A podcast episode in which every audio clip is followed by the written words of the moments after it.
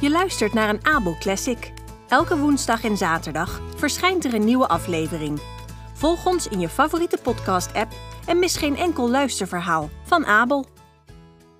De Perzikjongen.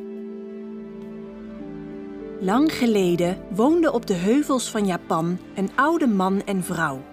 Op een mooie lentedag was de vrouw kleren in de rivier aan het wassen. Ze nam de kleren één voor één uit haar mand, waste ze in de rivier en sloeg ze daarna droog op de keien. Terwijl ze zo bezig was, kwam er een grote perzik naar haar toe drijven. Ze had nog nooit zo'n grote perzik gezien. Met veel moeite wist ze hem uit het water te vissen. Blij haastte ze zich naar huis. Tegen de avond kwam haar man thuis. Oh, Ji-san, ik ben zo blij dat je thuis bent. Ik heb de hele dag op je gewacht. Ik heb een prachtig cadeau voor je. Dat is lief, zei de oude man. De vrouw liet hem de perzik zien, die nog groter en zwaarder leek dan ooit. Kijk eens wat ik heb gevonden. Heb je ooit zo'n grote perzik gezien? De oude man keek naar de perzik en zei verbaasd: Wauw, dat is inderdaad de grootste perzik die ik ooit heb gezien. Waar heb je die vandaan? De vrouw vertelde hem het hele verhaal. Ik ben heel blij dat je het gevonden hebt, zei de oude man. Laten we het nu opeten, want ik heb honger. Hij haalde een mes uit de keuken en wilde hem net opensnijden toen, wonderbaarlijk genoeg, de perzik uit zichzelf in tweeën spleet en een stem zei: Hé, hey, hé, hey, wacht even, oude man. Uit de vrucht stapte een kind. De twee oudjes vielen van verbazing bijna op de grond.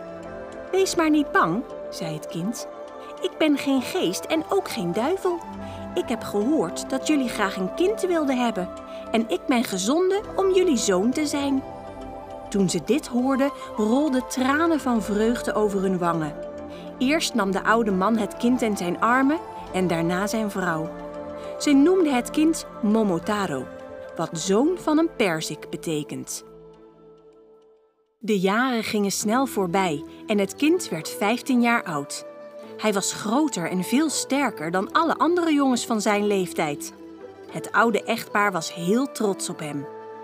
Op een dag kwam Momotaro naar zijn vader toe en zei plechtig: Vader, nu jij en mama ouder worden, zou ik graag bij jullie willen blijven om voor jullie te zorgen.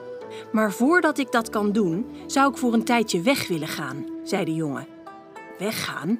Maar waarom dan? Dat zal ik uitleggen. Ver van hier ligt een eiland dat door duivels wordt bewoond.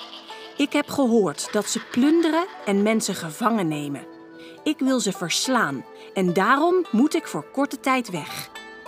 De oude man was erg verbaasd toen hij dit hoorde, maar hij vond het prima om de jongen te laten gaan. Hij was sterk en dapper en bovendien wist de oude man dat dit geen gewoon kind was, want hij was naar hen gestuurd en uit een perzik gekomen. Dus Momotaro ging op weg. Tegen de middag kreeg hij honger en opende zijn tas om een rijstkoek te nemen die zijn vader voor hem had gebakken. Hij ging onder een boom zitten en begon te eten. Terwijl hij daar zo zat, dook er opeens een hond uit het gras op. Hij kwam recht op de jongen af, liet zijn tanden zien en zei: Jij durft om zomaar over mijn veld te lopen? Als je al je koeken aan mij geeft, mag je gaan, anders zal ik je baten. Wat zeg je me nou? Weet je wel wie ik ben? Ik ben Momotaro en ik ben op weg om de duivels te verslaan. Denk je nou echt dat je mij kan tegenhouden? De houding van de hond veranderde meteen. Hij boog zijn kop en zei: Wat hoort ik? Ben je echt Momotaro? Ik heb gehoord van jouw grote kracht. Oh, het spijt me dat ik zo gemeen was. Ik zou graag met je meegaan naar Duivels Eiland. Ik denk dat ik je wel mee kan nemen, als je wilt, zei Momotaro. Dank je, zei de hond. Momotaro wierp hem een stuk koek toe en de hond hapte het gretig op. Toen stond de jongen op en de hond liep achter hem aan. Op een avond, toen zij onder een boom uitrustte, hoorde zij boven in de takken een stem. Goedenavond, Momotaro. Welkom in mijn bos. Ik zou graag met je mee willen. Zou dat mogen? Ze keken naar boven en zagen daar een aap. De hond zei jaloers. Momotaro heeft mij al om hem te begeladen. We hebben niets aan een aap. Ge weg! De hond en de aap begonnen ruzie te maken. Houd eens op met dat gekibbel, kwam Momotaro tussen beiden. En hij zei tegen de aap: Ik bewonder je moed, dappere aap. Hier heb je een lekker stuk rijstkoek. Neem het en volg ons. Zij gingen met hun drieën verder. Langzaam maar zeker kwamen ze bij een groot veld. Hier vloog een vogel naar beneden en streek neer op de grond vlakbij het groepje. Het was de mooiste vogel die Momotaro ooit had gezien. De hond rende meteen op de vogel af en probeerde hem te pakken. Maar de vogel haalde naar hem uit en er ontstond een gevecht. Momotaro was onder de indruk van de moed en vechtkunsten van de vogel. Hij greep de hond vast en zei tegen de vogel: Geef je onmiddellijk over en ga met ons mee, of ik laat de hond weer los. De vogel gaf zich meteen gewonnen en smeekte: Vergeef mij dat ik met de hond vocht. Ik wist niet dat hij bij u hoorde. Ik ben maar een simpele fazant, maar het zou een eer zijn om met u mee te mogen. De hond en de aap waren het hier totaal niet mee eens en maakten allerlei bezwaren. Maar Momotaro zei streng: Luister eens goed. Als wij straks willen winnen van de duivels, kunnen we de vechtkunsten van de fazant goed gebruiken. En het is belangrijk dat we kunnen samenwerken. Hoe kunnen we de vijand verslaan als we constant tegen elkaar aan het vechten zijn? Van nu af aan moeten de hond, de aap en de fazant vrienden zijn. De eerste die ruzie begint te maken, stuur ik weg. Het drietal beloofde zich te gedragen. De fazant hoorde voortaan bij het gezelschap en kreeg een stuk koek. Na dagen en dagen onderweg te zijn geweest, bereikten ze de zee. Ze liepen een tijdje langs de kust en vonden een zeilboot waar ze met hun vieren instapten. De wind was gunstig en het schip vloog als een pijl over het water. Na dagen varen riep de fazant op een morgen: Land in zicht! Momotaro wist meteen dat dit het Duivels eiland was. Bovenop de steile oever stond een groot kasteel. Het moment waar hij al weken op wachtte, was nu eindelijk daar. Hij riep de fazant. Vlieg direct naar het kasteel, beval hij de fazant. En daag de duivels uit tot een gevecht. Wij zullen je volgen. De vogel gehoorzaamde onmiddellijk en vloog weg.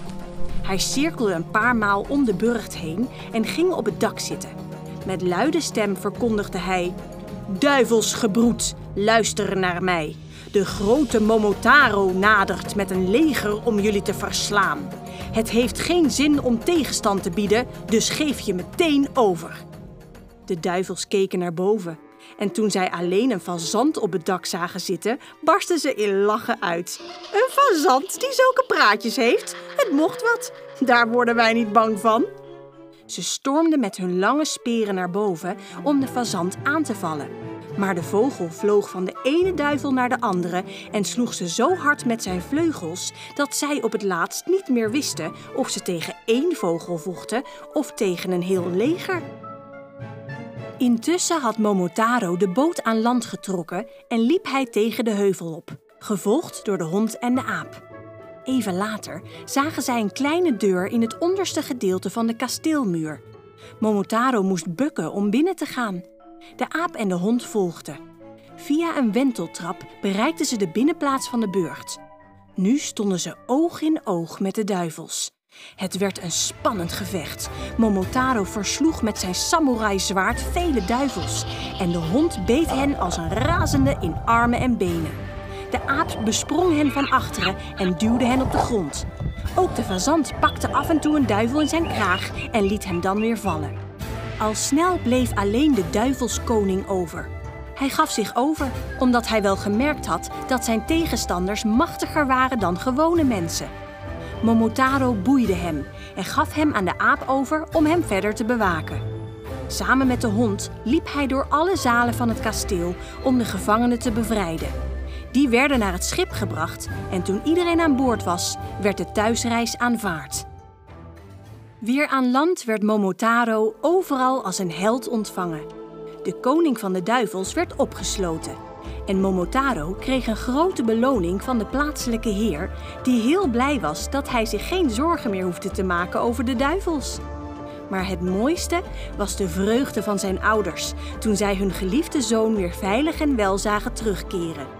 En dankzij de schat die Momotaro had gekregen, hoefde ze nooit meer te werken.